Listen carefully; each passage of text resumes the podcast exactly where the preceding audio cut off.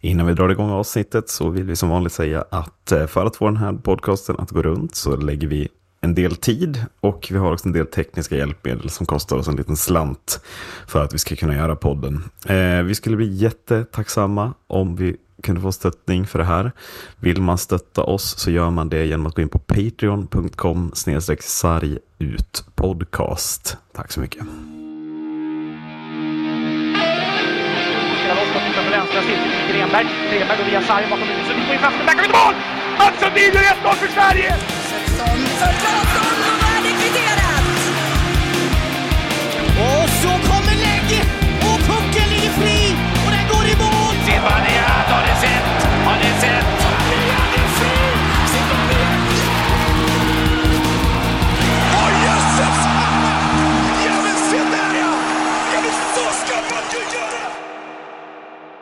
Då säger vi välkomna till avsnitt 130 av podcasten Sarg ut, Marcus. Och du sitter den 12 november och tycker att en lussebulle är ett lämpligt fika. E- extremt provocerande givetvis att Nej. du är så tidig på julen. Ja, lämpligt Det är är det liksom ju en månad kvar till Lucia. Ja. Ja, jag är lite besviken på mig själv faktiskt. Att det, är, Ja, det är du har ju stått med mig i båten att man inte kan julpynta för tidigt. Så att det här är ju verkligen eh, det här är oroväckande vad som händer här nu. Mm. Ja, det är ett haveri utan dess like faktiskt. Ja. En som inte kommer att få fira jul som tränare i Hockeyallsvenskan, Marcus, är Johan Garpenlöv. Mm. Och till slut så kom vi till gränsen att det helt enkelt blev ohållbart för Johan Garpenlöv att vara kvar i Djurgården. Det trodde inte jag att vi skulle säga den 12 november 2023 efter att han tog över för mindre än ett år sedan. Och ju faktiskt då förändrade Djurgården till det bättre vill jag hävda fortfarande ändå. Så som de såg ut i slutspelet oss. Ja, eh, ja alltså det, det, det var väl oväntat oavsett. Eh, tror inte någon tänkte att det skulle gå så pass tidigt ändå. Alltså att tålamodet skulle ta slut så, så fort också eh, på en tränare som ja, ändå tog dem till ett, en eh, final förra året givetvis. Men jag, jag trodde verkligen inte att det skulle liksom att de ska klippa bandet här och nu. Eh, sen kan det vara mycket, mycket annat som, som vi kommer in på kanske, som, som kan vara det som rann över bägaren också. hur, om vi ser då, om vi, vi lär ju ta det här lite olika vinklar, men om vi ser det, om vi bortser från tålamod och allt det här, vad tycker du om själva beslutet så som det sett ut då? Ja, nej men alltså det är väl det är väl lite tydligt på att ja, men Djurgården måste göra någonting, något för att förändra. För jag menar, alltså, de har inte en ekonomi i år på samma sätt som de hade förra året. Eh, och de måste, måste få fart på, på spelet och då, är det är det som jag tycker är alltså, det som, som Djurgården saknar. För att jag menar, alltså, ska vi vara helt ärliga så har väl Djurgården kapital till att vara utmanande till de flesta lagen i den här serien. Eh, Men det, det är ju bara spelet som absolut inte har varit där och motivationen och spelarna har, kommer inte igång. Liksom. Nej, och kom vi inte till en punkt där det här kändes oundvikligt, upplever jag till slut. Alltså 0-2 hemma mot Nybro där på Hovet. Där och då kände jag att det var ju lite att likna med 0-8 för HV. Att Ja. det, är liksom, det här är så, så sjukt att man knappt kan knappt kan hantera det. Att så här, ja, men Djurgården förlorade med 2-0 på Hovet mot Ja. Nybro. Liksom. Eh, där, där kan man ju bara inte vara. Så enkelt är det ju. Liksom. Nej. Nej, precis. Alltså med den budgeten och truppen som man har och jag menar med det ledarskap som man har på i truppen, alltså med Marcus Kryger och allting sånt där, det ska ju inte kunna ske. Ehm, och tycker att det ska, även om de spelar dåligt, så ska det finnas kapital till att individuella, individuella spelare ska kunna lösa det. I, som det ser ut. Och eh, gör de inte det heller så, så förstår jag absolut att det, är- det är den vägen man måste gå också som man har gjort. Men ehm, vad tycker vi om Garpenlövs ledarstil då? Är det inte där, är det inte det som är mest förvånande? Hur han, hur han leder det här laget. Alltså, Mm. det, han började redan i fjol, men det är ju ett fortsatt nu liksom. Spelare i frysbox. Ingen förmåga att riktigt dela ut roller på rätt sätt. Ingen förmåga att riktigt sätta ihop rätt kedjor. Vi var inne på det tidigare när Linus Klasen spelade med Emil Bergen och Albin Greve liksom. Ja. är inte fascinerande. Alltså jag, ja, vem, vem ska vilja ge Johan Garpenlöv ett jobb? Så som Ja. han först har gjort med svenska landslaget, följt av det här. Ja. Nej, nej. Tyvärr blir det, alltså det landar ju i det. Man tappar ju förtroende för, för en... Mm. Alltså jag, jag kan inte heller riktigt se varför han eh, har, har blivit så ansedd tränare. Vi är givetvis en fantastisk spelare och spelar karriär Mm. och absolut kan han ju hockey. Men någonstans så måste han väl gå tillbaka till sig själv och se vad, vad är det jag måste förändra för att liksom eh, göra mig, eh, alltså det blir nästan som i Joakim Fagervalls hållet där också, att så här, vem, vem, ska, vem ska han coacha nu? Det är ju inte någon i Hockeyallsvenskan som kommer att eh, skrika efter Johan Garpenlöv heller. Nej, och det är ju och verkligen ingen E SHL. Nej. Alltså, det, det blir ju he, helt liksom... Det blir kapitalt fel för att det är så många saker med ledarskapet som är så himla förlegat. Alltså, Mm. För, framför allt förmågan att inte... Det handlar ju så mycket om att ge spelare rätt roller. Och det är ju jag menar, det är så Roger Rönnberg och de här har tagit det framåt. Att rätt spelare ska få rätt roller, men tillsammans ska man spela en form av totalhockey. Ja. Alltså den enda spelare som Johan Garpenlöv har gett rätt roll, det är Marcus Kryger. Och det krävs ingen större rymdforskning för att veta att han ska vara första center och ledaren i laget. Det känns som att vem som helst kan fatta liksom. Ja. Men i övrigt så är det ju, jag vet, jag vet inte vad jag ska säga, men det är så mycket som går fel och det känns som ett management by fear på ett sätt som är, jag vet inte, de här tabbarna av Hugo Hävelid, någonting känns det som ligger bakom utöver bara att, att han har lite oflytt och är lite orutinerad liksom. Ja, nej men det verkar väl vara lite så som vi, alltså det som vi var oroliga för från första början också egentligen. Alltså, jag gillade väl inte den här värvningen alls från, fr- från dag ett. Eh, Nej, sen har nej. han ju gjort det eh, överraskande bra Mm. fram förra året, eh, absolut, men eh, det blir ju lite någonting att så här, jag menar, var det det som var liksom, lyckades det rent spelmässigt då eller var det liksom laget som bara var för bra? Mm. Och nu kommer det liksom kvittot lite på att okej, det, det, det var nog någonting med att spelet fungerade inte fullt ut till 100%, men laget var liksom, ja nu är inte laget 100% Mm. Nej, det känns som bra. att det var laget själva som liksom gick ihop och, och bestämde sig för att nu ska vi vara bra. Men det behövs ju en ledare som, som får fram det i dem till den yttersta spetsen. Jag menar att så som det ser ut stundtals i år är ju...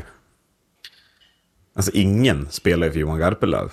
Utan man, spelar ju, man spelar ju knappt för fans. Man, man har ju ingen att spela för. Man spelar bara för sig själv egentligen. Så länge man gör det hyfsat bra så spelar resultaten spelar inte så roll. Liksom. Eh, Så att det, blir, det blir ju...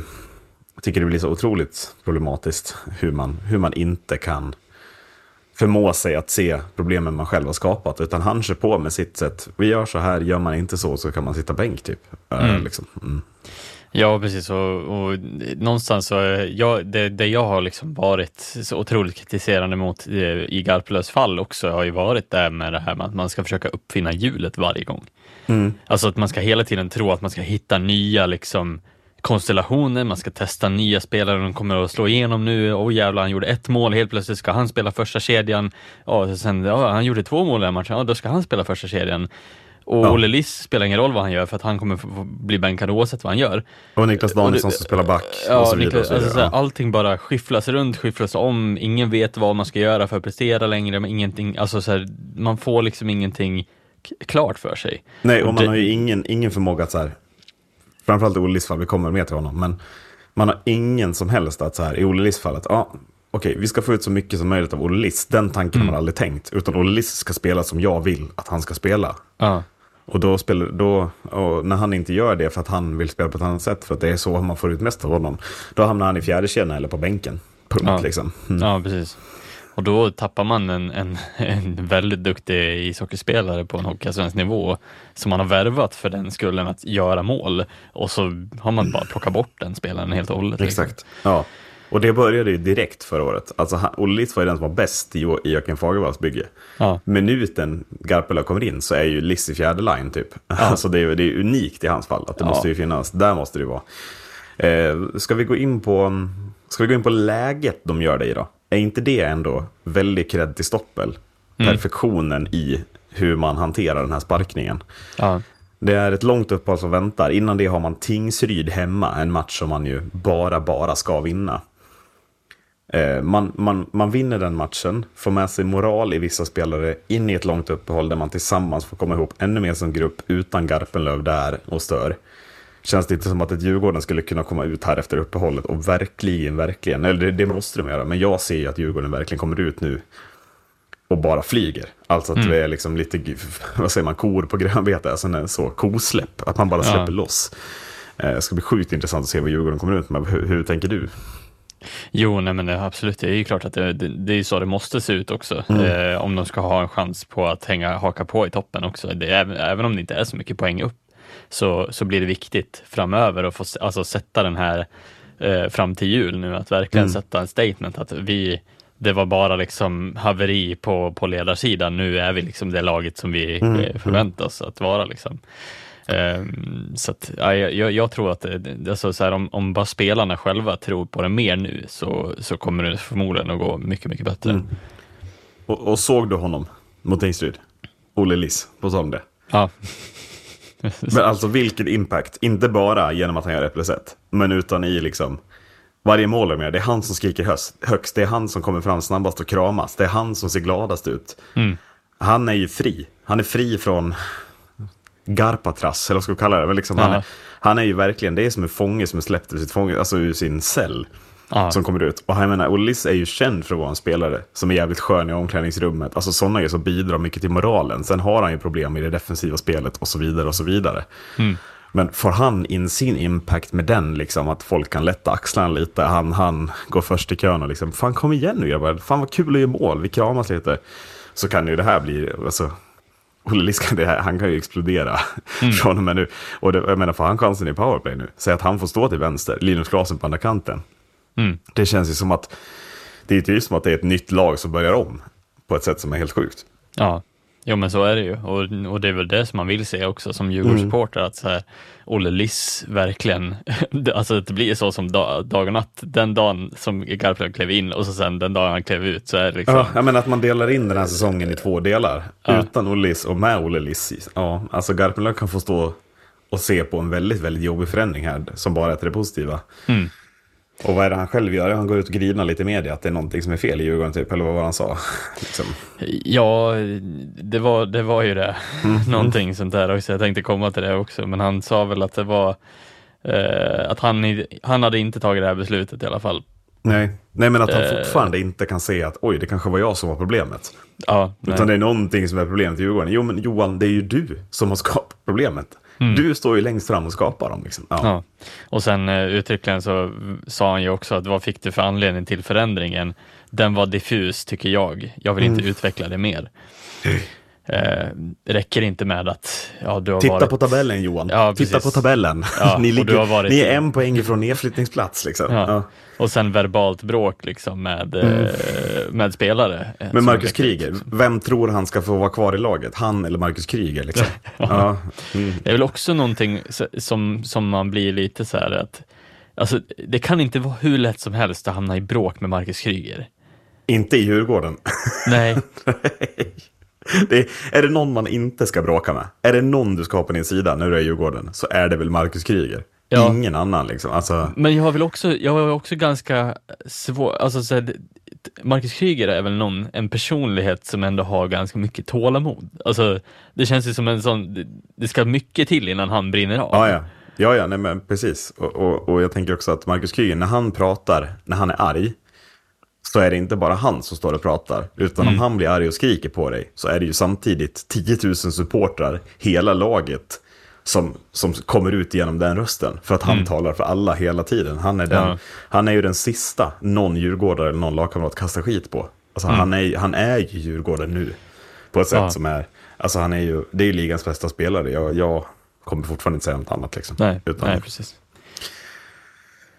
bara... Mm. Eh, vad tror vi om ny tränare då? Det verkar ju ändå som att man jagar. Micke Holmqvist kommer vara lösningen nu, men det verkar inte vara... Ja, det ska inte vara han som är den permanenta lösningen, utan man letar ju febrilt. Robert Kimby verkar ju vara huvudspåret, vilket ju vore Ja. gränslöst. alltså, det, vore, det, vore ju näst, alltså, det vore ju nästan olagligt om de tar Kimby nu. Han flyttar Ja. fem, mil, fem mil österut. Alltså, åh. Ja, eh, Kimby har ju varit ute och svarat på, på ryktena som givetvis har Mm. svämmat över på sociala medier och det är ju väl en drömtränare för Djurgården, men det är väl mer aktuellt i så fall nästa säsong. Men, Ja, det verkar ju bli så. Mm. men det beror ju på hur stor pengapåsen är. Ja, så är det. Vart- Och den är inte stor i Almtuna, det vet Nej. vi. Mm. Eh, men eh, han sa det, branschen fungerar ju så här också. Det, så Mm. fort det ryker någon så är det någon som måste liksom ersätta. Komma in ja, men precis. och Precis. om då namnet ligger på honom så, Mm. så är det så. Sen ska vi sägas också att Särkijärvi och Tony Mårtensson aktivt tackar nej. Precis. Eh, Tony Mårtensson till sportchefsplatsen dock. Ja. Samtidigt som det kommer ut att Tony Mårtensson är huvudnamnet för Linköpings eh, sportchefspost. Mm. Tung vecka för Almtuna detta. Att Ja. man, alltså, så liksom, det är Kimby och Mårtensson, ah, ingenting handlar om att de ska vara kvar, det handlar bara om vart de ska. Ja, Och jag menar, tappa de två i Almtuna i det här läget tror jag blir, det kan bli dödligt för den föreningen också. Eh, som kan tappa enormt liksom, utan de två spelarna. ja, ja absolut. Eh, men jag tänker ett namn som vi måste ta upp. Thomas Montén. Mm. Är det inte lite konstigt att vi inte har hört någonting?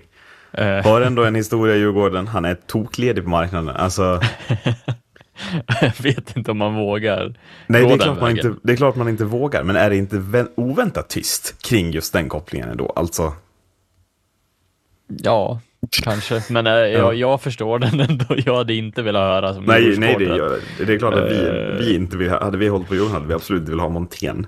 Jag vill inte sitta här och kritisera ännu en tränare till Djurgården. Nej, nej, det, nej, liksom, nej, det, nej. det, det, behö, det vill, behöver jag inte vilja göra liksom. Mm, Det ska jag inte behöva göra.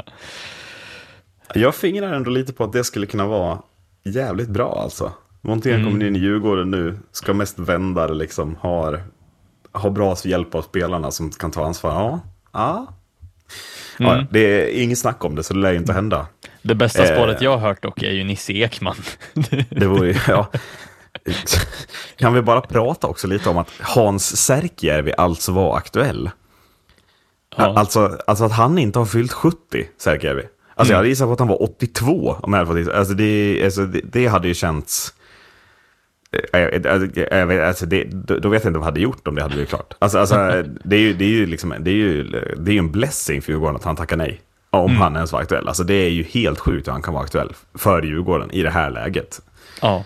Alltså, ja, otroligt. men Nisse Ekman, är det något om det? Eller skämtar du mest för att jag tycker att det är kul? Nej, alltså, det, det, jag såg bara, det var, vem, var Thomas Roos som sa Mm. att han skulle kunna tänka sig att Nisse Ekman skulle vara en bra kandidat. Ja. Sa han på Aftonbladet, alltså bland alla som spekulerade i veckan. Jag tänkte, vad, vad, dyker den upp bara på höft eller vad? Det känns som att den inte dyker upp bara, alltså då har ju han hört något kanske liksom. Ja. Men, eh, nej, det, alltså, nej, men det vore ju... Alltså ur våra ögon så hade ju det varit otroligt roligt. Nils Ekman startar Men det- någon live-video i omklädningsrummet med Kryger efter man slagit så Tingsryd hemma nästa gång. Bara woho! Ja. Alltså, nej, jag- alltså, då hade jag, alltså, jag hade garvat så mycket så jag, hade, jag vet inte vad jag hade gjort. Men Jag, jag hade, verkligen- ja, alltså så här, inget ont om Nisse Ekman på det sättet, men grejen Ja. är ju att det känns ju som att det är sån, också fel karaktär. Ja men alltså om Djurgården som- tar en sån karaktär som Ekman eller Hans Särker, alltså en sån typ av ändå, alltså så här, det finns ju ingen framtidshopp i en sån värvning. Mm. Alltså då känner man ju bara att hoppet är ute för Djurgården. Mm. Alltså då känner jag bara, nej men alltså det här, det här är ovändbart, det här skeppet. Om ni liksom ersätter Johan Garpenlöv med, med Nisse Ekman, det vore ju ja, så Ja. ironiskt som man... Med det sagt så hoppas vi ju på Kimby. Så ja, jo men alltså, alltså inget ont om Anton nu, men Robert Kimby, så som han har startat sin tränarkarriär, det är ett perfekt steg för honom. Mm. Ett nästa steg innan han ska ta en SHL-klubb liksom. Mm. Och det blir väl en match made in heaven, känslan. Ja. Kimby Ja. till mot det här laget. Ja. Karjala Cup, Marcus. Ja, Hur många minuter har du sett? Eh, ungefär tre och en halv. Fyra och en halv? Mm, det är mer än mig. När såg du dem? Nej, jag såg, eh, såg lite av eh, highlightsen från Tjeckien. och stängde av. Det var ju lite deppigt sett, alltså, sett till hur vi har kritiserat Karjala som koncept och hur mycket vi hatar de här Europa, Eurohockey-turneringarna. Mm. Nu vann ju Sverige två matcher. Man slår ju Schweiz och Finland idag. Det var ju väldigt deppigt att eh, liksom, när man, det är ju den här första matchen där man ändå var så här, om de hade varit bra i den hade man kunnat tänka sig att titta något mer. Men det är ju väldigt deppigt när det står 0-4 till Tjeckien efter en period i Växjö på torsdagen givetvis. Ja. Eh, ja, vi, alltså, vi måste säga någonting. Alltså så, någon spelare som du tycker är kul med produktion eller vad, alltså, vad tänkte du? Nej, Carl alltså- Lindbom, ska vi gå dit? Ja, vi börjar väl i, i den mörka änden av, av eh, Karela Cup, för det är väl där den Ja, men jag vet inte, hur mörkt blev det då liksom? Alltså, jag, jag kan tycka att det är lite hårt att, att sätta en, en ganska ung målis i målet och sen blamea honom för fyra insläppta på en, en period. Alltså, Men var det inte jävligt bra coacharbete av Hallam att Lindbom sen står mot Schweiz och får vinna på lördagen? Jo, alltså kan jag känna, alltså, här, jag blev glad att en sån som Sam Hallam står i det där båset för att liksom förstå Mm. vikten av att Carl Lindbom lämnar den där turneringen inte med bara 0-4 som minne liksom. Ja, men precis. Det, det som blir viktigt är ju liksom att det här med, det, det låter ju som att det är världens undergång så fort det händer att en mål släpper in fyra mål. Liksom. Eh, framförallt när det är liksom mot, i en sån här turnering eller någonting och, och den killen är ung. Liksom. Så att, jag, jag tyckte lite synd om han först, att det var så jäkla mycket mediaupplåsning där på, på liksom, att det var han som förlorade matchen. typ. Eh, men eh, jag, jag tycker väl ändå att eh, försvarsspelet kan väl också eh, Ja, man har ju sett bättre försvarsspel, det håller Ja. om, givetvis. Ja. Absolut, så att, nej men jag absolut tycker det är bra att han, han fick stå senare matcher också. Mm. Eh, en annan eh, spelare som jag vill lyfta fram är ju Mario Kempe också. ja, jag tänkte på det också. Vad fan, typ 3 plus 2 Ja, i det här läget. Ja, och sin plus- karriär i det här läget. Ja, 3 plus 1 på fyra 3 matcher. plus 1. Ja, men ändå liksom. Eh, Alltså, så här, Sjukt inblandad i våra segrar liksom ändå. Alltså att, Ja. att han som 35-åring i andra line i Luleå Mm. får chansen i landslaget och kliver in och liksom är lite tungan på vågen. Mm. Nej, Ja, men eh, skönt, kanske skönt för han också att komma tillbaks efter all den här jävla skadehärvan. Alltså att verkligen, alltså Mm. han har ju varit tillbaks, tolkar mig rätt, men han kommer tillbaks till en form som är kanske ja, men lite mera bättre, lite lugnare, han kommer in i liksom mm, tempot. Alltså så här, nu börjar kroppen komma tillbaka liksom. Mm, Eh, Även om man börjar vara till åren så, så är ju det här ett bra kvitto för, eh, för både Luleå och för, eh, för svenska landslaget. Att om Mario Kempe kommer upp i nivå, ja men Mm. då är det väl ingenting som säger om att eh, vi ska skippa och ta ut han i, i en VM-turnering framöver. Nej, men precis. Nej, det är verkligen.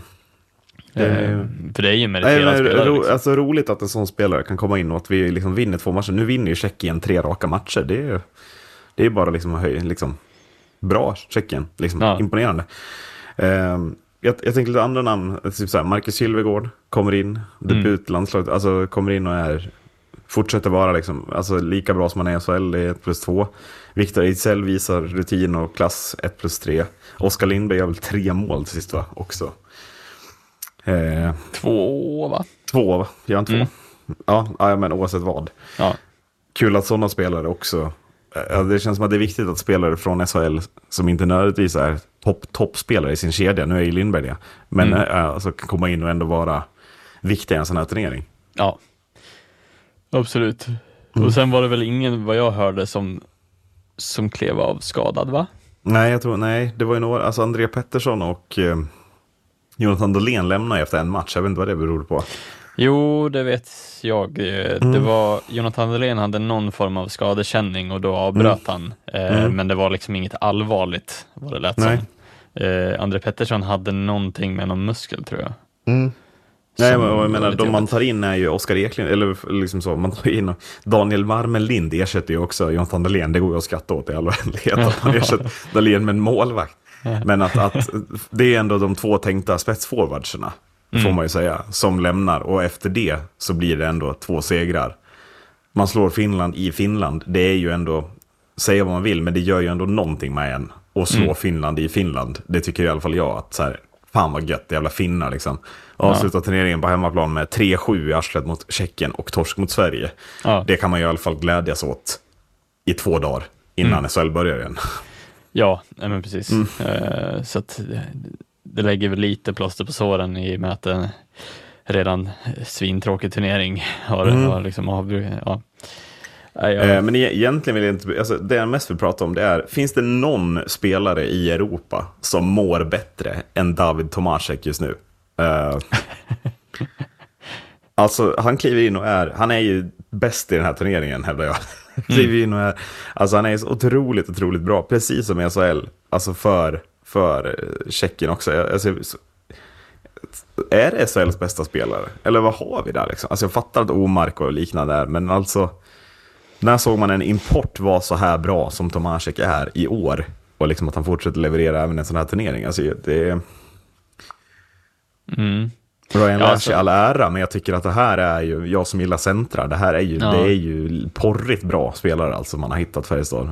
Och han lär ju trivas med att vara Tjeckiens bästa spelare i Karjala och att Färjestad leder ligan av resten, han är första center liksom. Ja, och sen, ja, tolka, tolka det rätt så är det väl alltså bra som i center bra och inte bara Somela bra i att göra mål liksom heller. Nej, nej, okej, okej, okej. Eh, Somela ska jag erkänna att jag glömde. Det är ju givetvis, det är givetvis eh, den bästa. Men alltså, Men jag förstår vad du menar, för det känns ju lite som att det här är en typ av spelare som som har höjd till att faktiskt lyckas om man skulle kliva över Mm, på ja, andra men, sidan. Okej, okay, formulera mig så här då. Somela, han var värvad till Oskarshamn för en sak. Gör poäng. Mm. Det, är, det var länge sedan jag såg någon vara så väl scoutad som Tomasek då. Mm. På det sättet att han passar in perfekt i Färjestads bygge. Han tar precis den rollen, han, han vill ha den, Färjestad vill ha honom i den här rollen. Och han presterar precis så bra som Färjestad vill att han presterar i den. Att det, är, så- det känns så himla, himla välscoutat. Man har, man har verkligen pinpointat vad man vill ha för spelartyp och man har hittat den med sån otrolig perfektion. Att han just nu trivs på isen så bra att sätta honom var som helst så presterar han för tillfället. Det är lite dit jag vill att så här. Mm. Mest hylla Färjestad för hur otroligt, otroligt, otroligt rätt man har hittat med den här värvningen. Ja, jag håller med. Det är ju alltså så här. Jag hoppas väl att, att det finns ögon på honom för att eh, alltså så här, eh, jag hoppas att scouterna verkligen sitter från, från annan sida nu och kollar på vilken typ spelare det här är. Liksom. Det känns ju som att det luktar lite eh, nordamerikansk superstjärna liksom Mm, ja på ett sätt. Eh, som känns lite mera än, än vad Somela är, för att Somela känns mera, ja men, ja, inf, ja, vad, vad säger man? men uppfödd Alltså, det- till att göra mål, alltså på Jag ett annat förstår, sätt jag förstår vart du vill, Ja. det är så svårt att sätta ord på det. Men jag håller med. Sen om lyssnarna inte fattar vad du menar så fattar jag också det. Men äh, att, ja, att liksom, Tomasek är en spelare som du vinner guld med. Alltså med hans spelartyp och sättet han, medan Somela är ju väldigt mycket. Den här turneringen är väl ett exempel. Vad gör Somela sist? Gör han fem mål? Fyra mål? Tjeckien förlorar med 3-7 mot Tjeckien och torskar mot Sverige. Det är ändå så, alltså Somela gör ju målen åt dem. Och det är det han är där för. Men att Somela är svår att få in i ett bygge som ska vara vägvinnande över en lång tid. Eh, Och han passar bättre i sådana lag som typ Oskarshamn när han är i SL. Jag tror inte att han hade fått samma utväxling och varit lika viktig i ett lag som går för guldet på ett annat sätt kanske. Nästan som man skulle kunna jämföra dem med McDavid och Dreisaitl. Tomasek Ja, men- är ja, men alltså. Det är jävligt hårt mot Leon Draisaitl kan jag tycka i och för sig. Ja. Men jag förstår vad du menar. Att, att liksom så, men en sån som Tomasek behöver ju en sån som Somla bredvid sig. Alltså någon Ja. som, som är viktig för hela, på hela isen behöver ju någon som gör bara poäng, poäng, poäng. Alltså, det blir alltså, Ka- Karlqvist får ju lite för mycket, om man tittar Oskarshamn i år, så får ju Karlqvist lite för mycket av en roll att han ska vara hela lagets ledare. Medan han trivs ju mycket bättre när han får en sån roll som han hade när han var som bäst i Modo. Att så här, ja men du är tredje gubbe på vår sidan, men gör bara poäng. Då gör han det liksom. Ja. Ja. Eh, Jag vet inte vart vi kom med den diskussionen. Vi går vidare innan vi fastnar för mycket. Precis. Och jag tycker vi ska fortsätta gå till poängligaledare. Eh, för att i NHLs poängliga, Marcus, så tittar vi i toppen och där hittar vi Elias Pettersson. Eh, som jag eh, kuppar in i körschemat, du är inte beredd på det här. Men jag tänker att vi, inte, vi kan inte inte prata om det.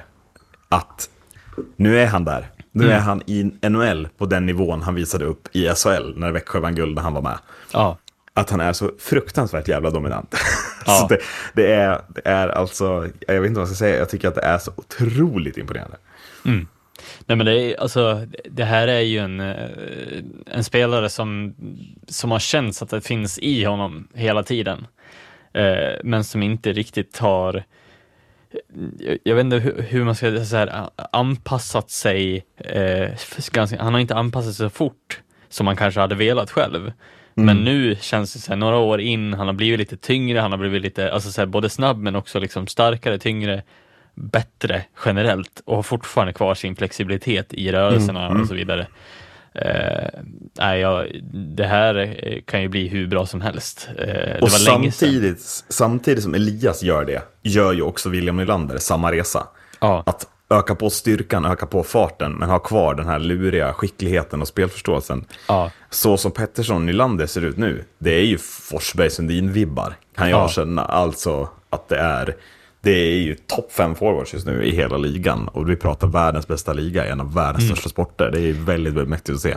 Ja, nej men det, alltså det var länge sedan jag kände sån hög förhoppning om att en, en svensk kommer att komma topp liksom fem i poängligan. Ja, eller två svenskar. Liksom. topp, alltså, ja. Men Nylander, han gör poäng, han gör poäng i 14 matcher idag. Alltså, så här, vem ser ett stopp i honom just nu? Men 15. Elias är ju... 15, förlåt. Men Elias är ju på den nivån nu att, eh, ja men precis som i Växjö där, att så här, ja, men allt blir mål. Eller assist. Alltså äh, vad han än gör, om han skjuter, om han dribblar, om han ramlar. Allting slutar med att Vancouver har gjort ett mål och att han är inblandad. Ja, ja. ja nej, jag, jag håller med. Och allting bara, han är ju en sån typ av spelare där allting bara rullar med honom också. Alltså, han, jag, jag såg han, hans nedtagning på blå, liksom när han tar ner pucken i luften och sen går in och liksom så här, Alltså det är sådana saker som, som han hade i Växjö, men som kanske inte har riktigt igenom på samma sätt i NHL och funkat och rullat hela vägen. Nu får han både det, men också har han ju tyngden och kraften och allting att hålla undan samtidigt som han har den skickligheten. Precis, Eh. och, och jag hoppas att när folk ser den här grejen, att, att, att man verkligen försöker förstå hur enormt hög skicklighetsnivå det är i den här aktionen. Alltså det är på en sån toppnivå.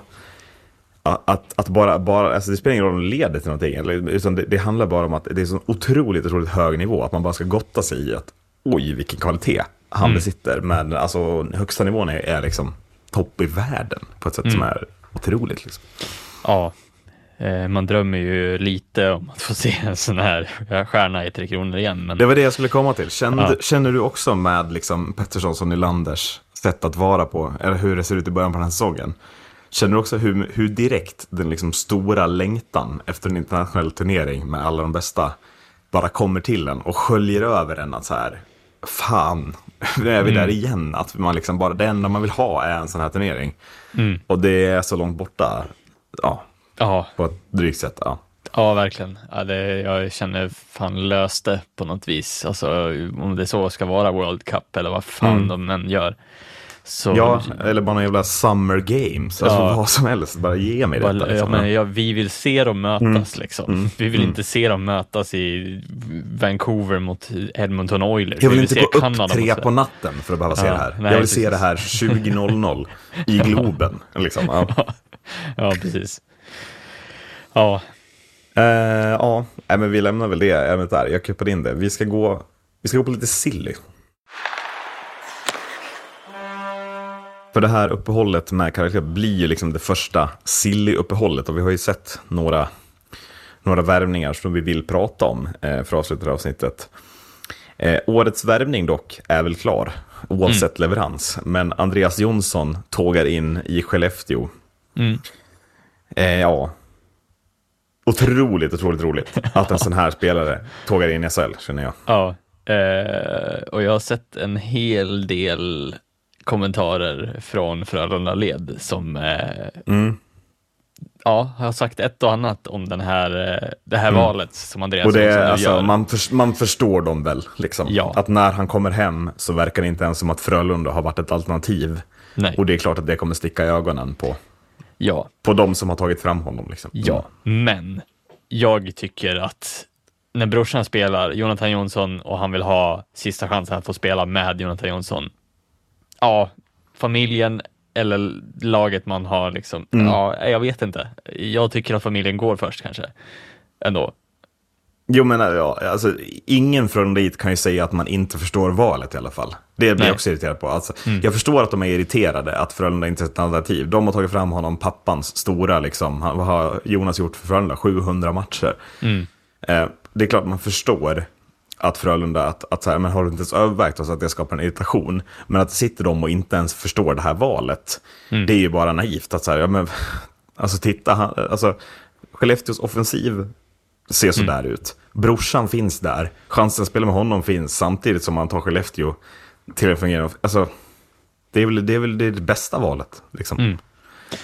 Ja, nej, jag, jag håller med. Eh, Det blir ju liksom någonting, någonting otroligt bra med, med den värvningen också. Jag tycker ju Skellefteå har gjort det otroligt bra som, som har rott i hem den här också. Eh, Men blir det inte också, det, det, det jag tycker nästan är intressant, alltså jag tycker värvningen är fantastisk, men jag tycker det blir intressantast är ju, för Skellefteås offensiv är ju ett fortsatt problem. Eh, liksom. Alltså Skellefteå hade ju, hade de haft en fungerande offensiv, då hade ju de varit med Färjestad uppe där de ligger nu poängmässigt, hävdar jag. Alltså defensiven ser ju stark ut och man har ju leverans från backarna i offensiven också, men det är ju väldigt mycket Oskar Lindberg-show bl- blandat med några ibland på ett sätt som är så här, fast ni har ju lite bättre namn kan jag känna. Alltså, ja, Tanken nu måste ju vara att Andreas Jonsson ska få igång brorsan och Rickard Hugg samtidigt som Oskar Lindberg ska, ska driva sin kedja på samma sätt som han gör. Men om vi kopplar det då liksom så här, Dylan Secura. Snacka om att gå under radarn, sett till vilken flopp han är. Eller? Alltså han, är, alltså han har inte gjort mål än för åtta matcher på Skellefteå. Och jag menar, det, det är ju en spelare som kostar multum för Skellefteå att ha i truppen. Som ska vara liksom topp, topp. Alltså han är, lyfter ju han lyfter ju för att vara en spelare som ska göra 40 poäng. Han har gjort två poäng på åtta matcher. ja. Ja, nej, det, det är för dåligt och absolut, jag har gått under radarn, nästan glömt bort Mm. Man att glömt att han spelade. finns. Liksom. Ja, men precis. Ja, det, ja, eh, exakt. Och det, det känns ändå lite trevligt att man inte pratar om floppar på det sättet. Att så här, Mm. men, men Secura är väl den största floppen av dem alla. Vem ska vara större? Ja, nej. Eh. Ol, kanske Olli Juolevi, Juolevi Vi som, fick, som fick sparken. men ja, men här- ja, nej, jag, jag håller Nej, med. men, men, eh, säg ett argument för att Skellefteå inte ska sparka Dylan Secura. Ja, nej, det finns nog inte. Menar, Inte nu i nuläget, tycker Nej. inte jag. Alltså, Nej. kan man fylla med bättre saker istället. ja, typ Andreas Jonsson. Ja, Nej men Skellefteå måste ju få gå i sin offensiv. Det är ju rimligt att Skellefteå också pungar upp för att den här spelaren, åh nu kommer han på marknaden. Det är ett unikt tillfälle att du får den här klassen. Ja, punga upp då liksom. Men eh, ja, vad tror du? Får han Skellefteå lyfta? Alltså jag tycker att Skellefteå har väldigt mycket att hämta redan, eh, redan innan Andreas Jonsson kommer in. Eh, så ja, jag tror att han får eh, Skellefteå att lyfta, för jag tror att det här ger också, ja men dels brorsan lite mera självförtroende kanske och lite mera liksom go i att nu vill vi göra det här bra tillsammans liksom. Eh, framförallt det, men sen så tror jag att Skellefteå efter det här uppehållet har väldigt mycket att, att eh, alltså sparkapital i, i sin trupp. Eh, Ja, för Skellefteå är väl de som går in med oskönast känsla kanske i det här uppehållet av de som ligger i toppen. Alltså vad var det? Det var tre raka torsk sista veckan. Leksand, HV, Linköping va? Och man gjorde Ja. typ ett mål framåt. Men, men då behöver man ju att Jonsson kliver in och avgör matcher också i offensiva led. För det går inte att förlita sig på defensiven i varje match. Det är ju tydligt liksom. Nej, precis.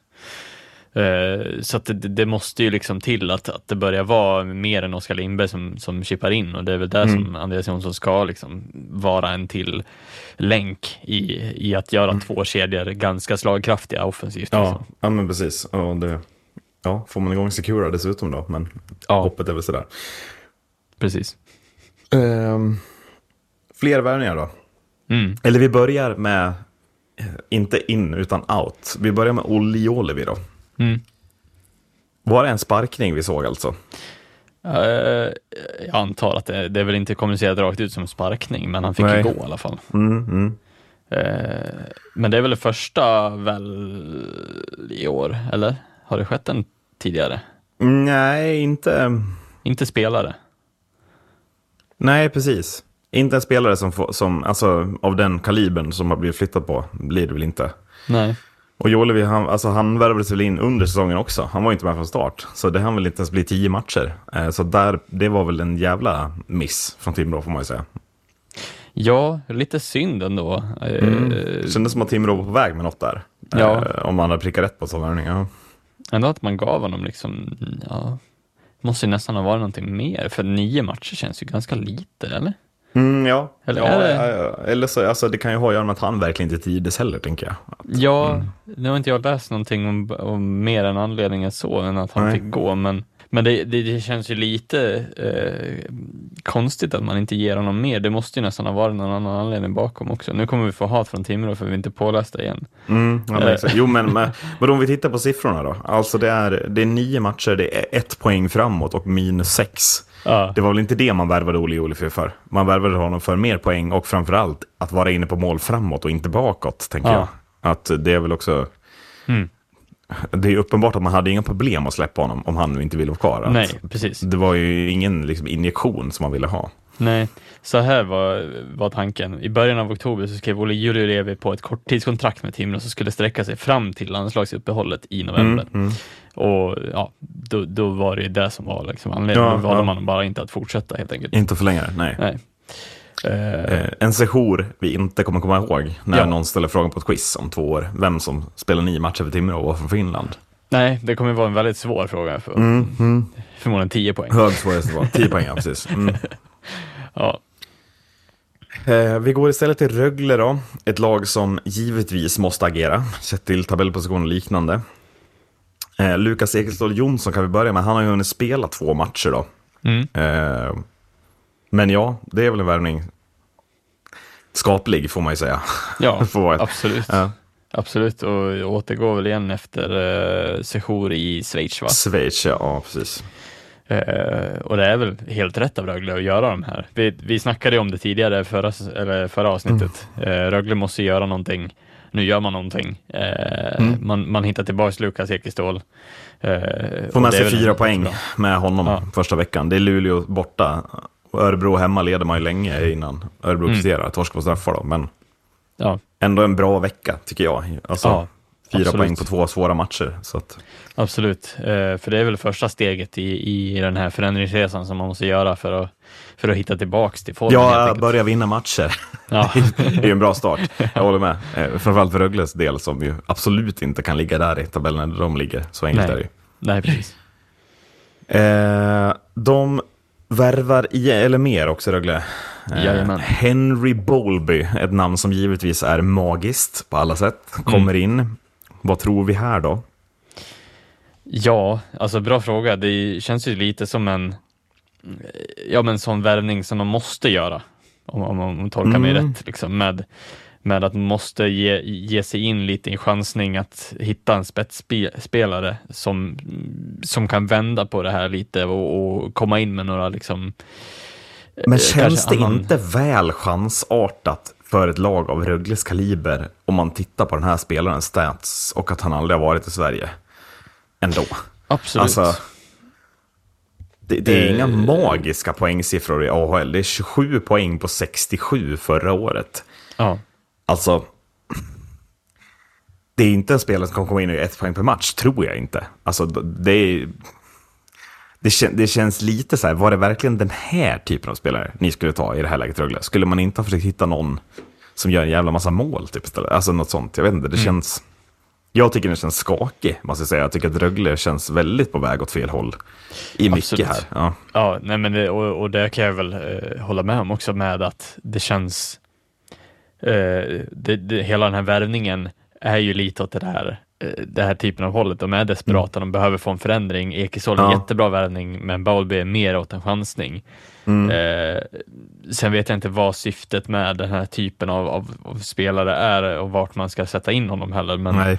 Eh, det kan ju vara så att man har fått jättebra referenser på, från någon scout som sagt att det här kan vara en spelare som flyger ganska hårt i Mm, SHL. Jag hade inte litat fullt ut på en sån, sån typ som hade sagt så, men för det känns ju som om man inte har flugit i Charlotte, Charlotte Shakers, Shakers, Shakers, ja. Shakers. Shakers, eh, barlag. Ja. Ja, precis. Nej, men jag Mm. så, nej, då känns det svårt att han ska liksom bara helt plötsligt flyga i SHL.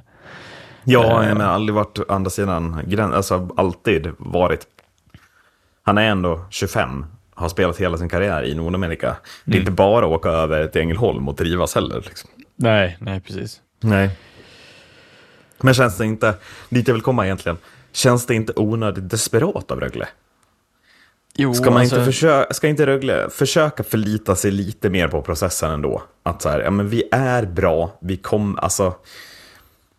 Visst, man är i botten av tabellen, men att man, det känns väldigt tålamodslöst att ha en sån här spelare. Att bara så här, nu tar vi in en amerikan. Mm. Eh, Ja. Nej, vad ska han bidra med? Alltså att man, har man en plan för den här värvningen verkligen? Vad man vill ha in när man tar en sån här spelare? Jag, jag får inte riktigt en vibb, jag får inte riktigt så här, åh vilken bra värvning som, som Rögle för, ett, när de, för ett par år sedan, varenda spelare de tog kändes som en klockren värvning. Liksom. Nu känns det som att man är, man är fast i en spiral med, med desperation som är väldigt onödig på Ja. något sätt. Nej, men det är väl också kanske lite eh, resultatet av att det, fin- att det är en ganska smal marknad också. Ja, Eh, absolut. Att, att man måste ta lite på chans och ta lite från rekommendationer som bjuds Men varför ut. från- tar man då en spelare överhuvudtaget om man måste chansa? Nej, Är Rögle jag- så, behöver de vara så desperata att man bara tar vad som helst? Det är lite dit jag ville. Tycker nej, du det? Att så här, Nej, jag håller med. behövde de ens Det ta någon ju- då om det skulle vara desperat? Nej, jag vet inte heller. Nej. Alltså Ekeståhl är ju bra så nog liksom. Jo men den känns ju klockren. Att så här, Ja. Han finns på marknaden, han vill komma till oss, vi vet vad vi får, han har varit hos oss. Alltså, det är ju sådana värvningar som lag som Rögle ska göra där man vet att man får en höjd kvalitet. Här vet man det här. Vet man att Henry Bowlby kommer in och, för, och förändrar någonting eller blir bara en till pusselbit i ett, redan, i ett bygge som redan har problem. Liksom. Ja. Ja, det är många frågor och lite svar. På Ja, ja, ja men, men, men håller du med? Känns Ja, den inte jag- desperat? Jag håller med faktiskt. Mm, det, det känns ju verkligen som att det är rakt av chansning. Eh, ska vi hoppa lite mellan ligorna? På tal om desperata värvningar, jag inte riktigt vet om de behövs. Stelios Mattheus in i Södertälje. Mm. Tre matcher, noll poäng, minus två. Mm.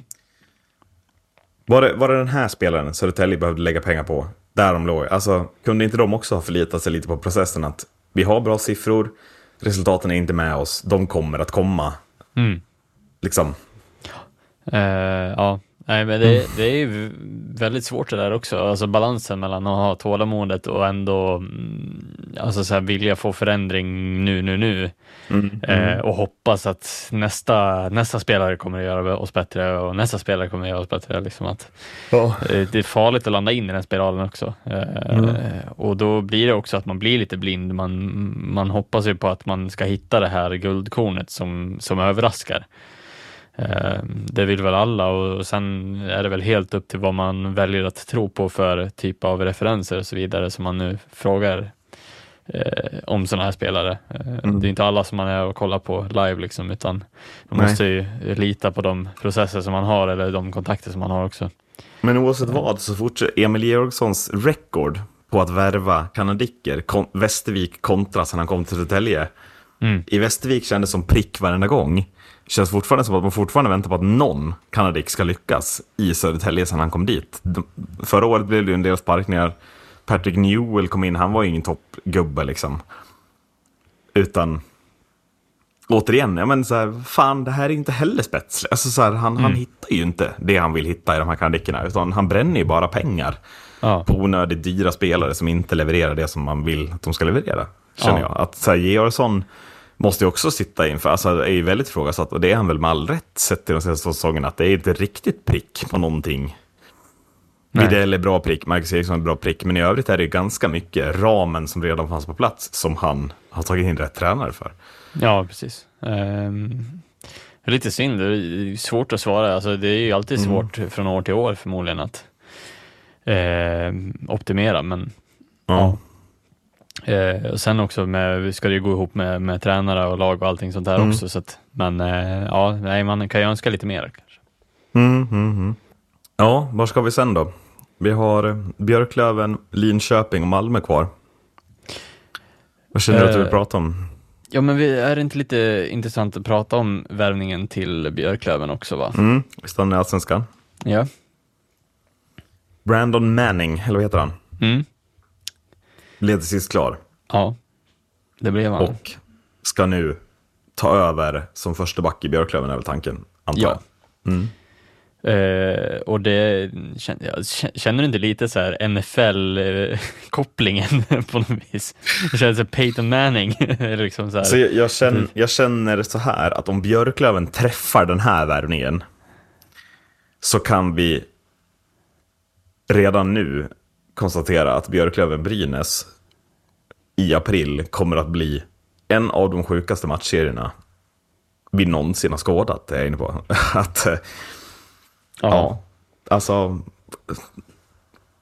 Brynäs tar Jordi Ben och Björklöven svarar upp med det här ändå. Alltså det är ju ett svar som i alla fall är... Alltså det är inte fem plus svar, men man närmar sig ändå så här, ja, ja men ta Jordi Ben i. Vi har svar på den värvningen. Det är ju faktiskt rätt sjukt att de har det om jag ska vara ärlig. Ja. Eh, jag håller med. Det känns ju Mm. som att det var... eh, och jag, jag, jag vill ändå uh, pointa ut och säga det att den här värvningen känns bättre än Jordi Ben. Där sticker du ut hakan jävligt hårt. Jo, men, Men, för ja, alltså, den ja. känns... Alltså, om, om, om jag känner Per Kente rätt, Mm. Så är det inte någon jävla liksom, så här, blind shoot rakt ut i tomma intet här heller. Eh, Nej. Och, och det, det är väl där som jag tycker att så här, Brynäs går, alltså så här, titta hur man väljer här. Brynäs går för en välmeriterat namn, men Björklöven kanske värvar rätt. Alltså det, det här blir liksom lite, mm, jag, jag, jag tycker att det känns bättre än Jordi Ben. Rent, Alltså, och, och det är inte för att han har, alltså så här, att Jordi Ben absolut ett välmeriterat namn och en väldigt duktig back. Men för Björklövens, alltså jag tycker att det här var en bättre värvning än om Björklöven hade värvat Jordi Ben. Ja, och Kenta är framförallt bra på att peka ut vart de behöver värva. Alltså, Mm.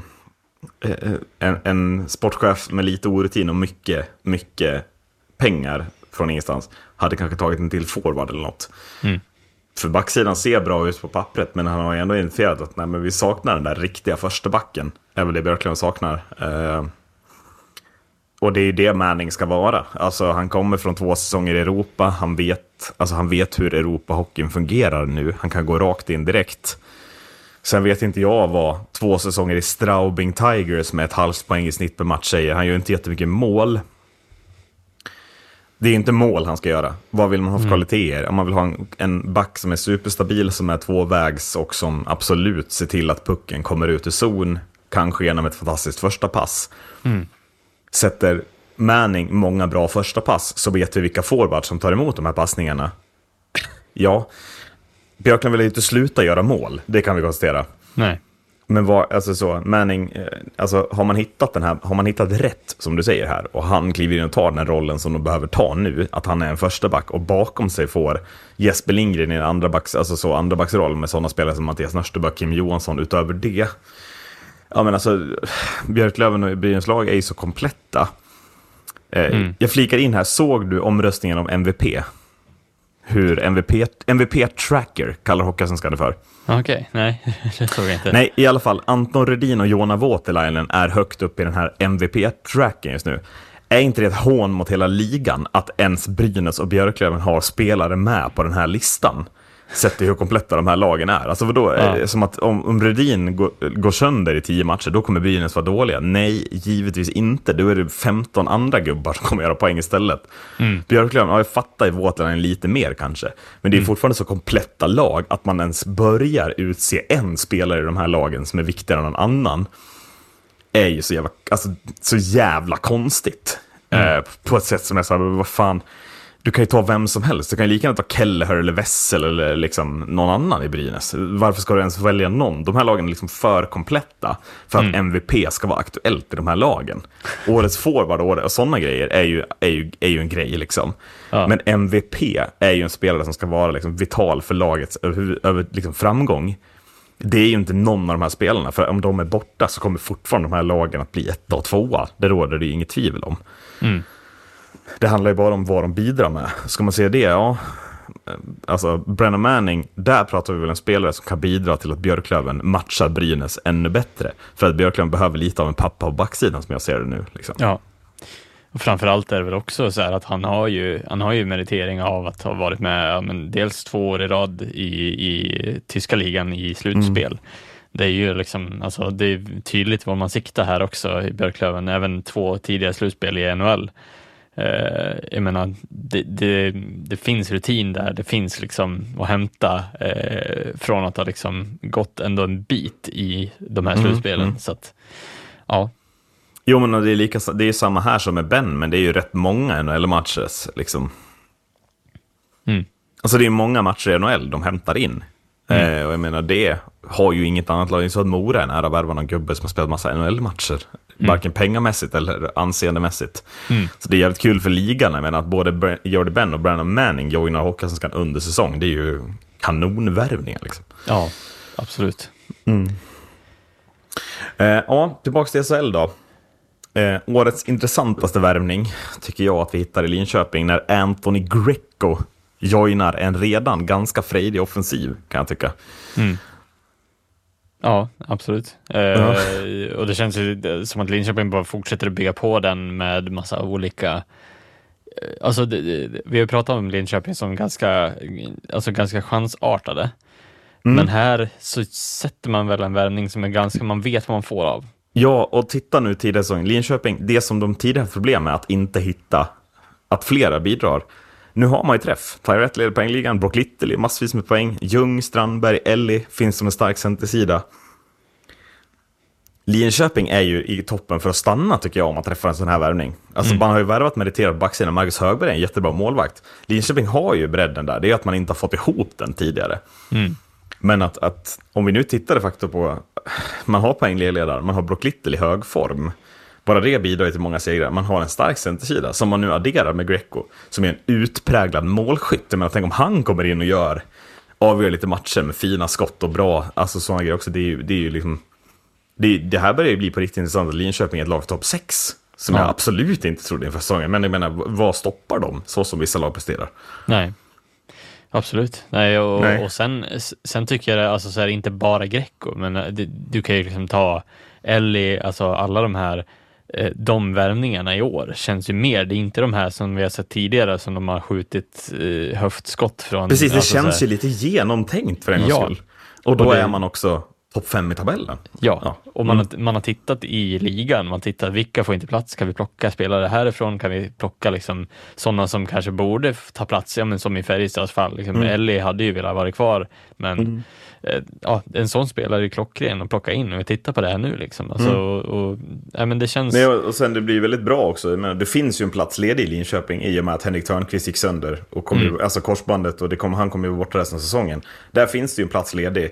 Törnqvist är en rightare som ska göra mål. Men Greco Ja. är en nivå upp som man ersätter Törnqvist med när han nu är borta. Ja. Vilket, vilket är väldigt imponerande.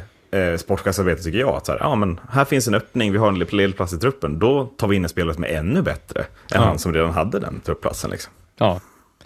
Och sen har man ju liksom så här, ja men addera det plus eh, den kanske bästa målisen i ligan som är i Högberg också. så att, alltså, det, det är ingen slump att Linköping ligger där de gör heller. Nej, men alltså, Linköping mår liksom- lite bra för en gångs skull. Vi har Ja. kritiserat dem i fem år i rad och de har Ja. bara mått dåligt och dåligt och dåligt. Men nu har man ju hittat Mm.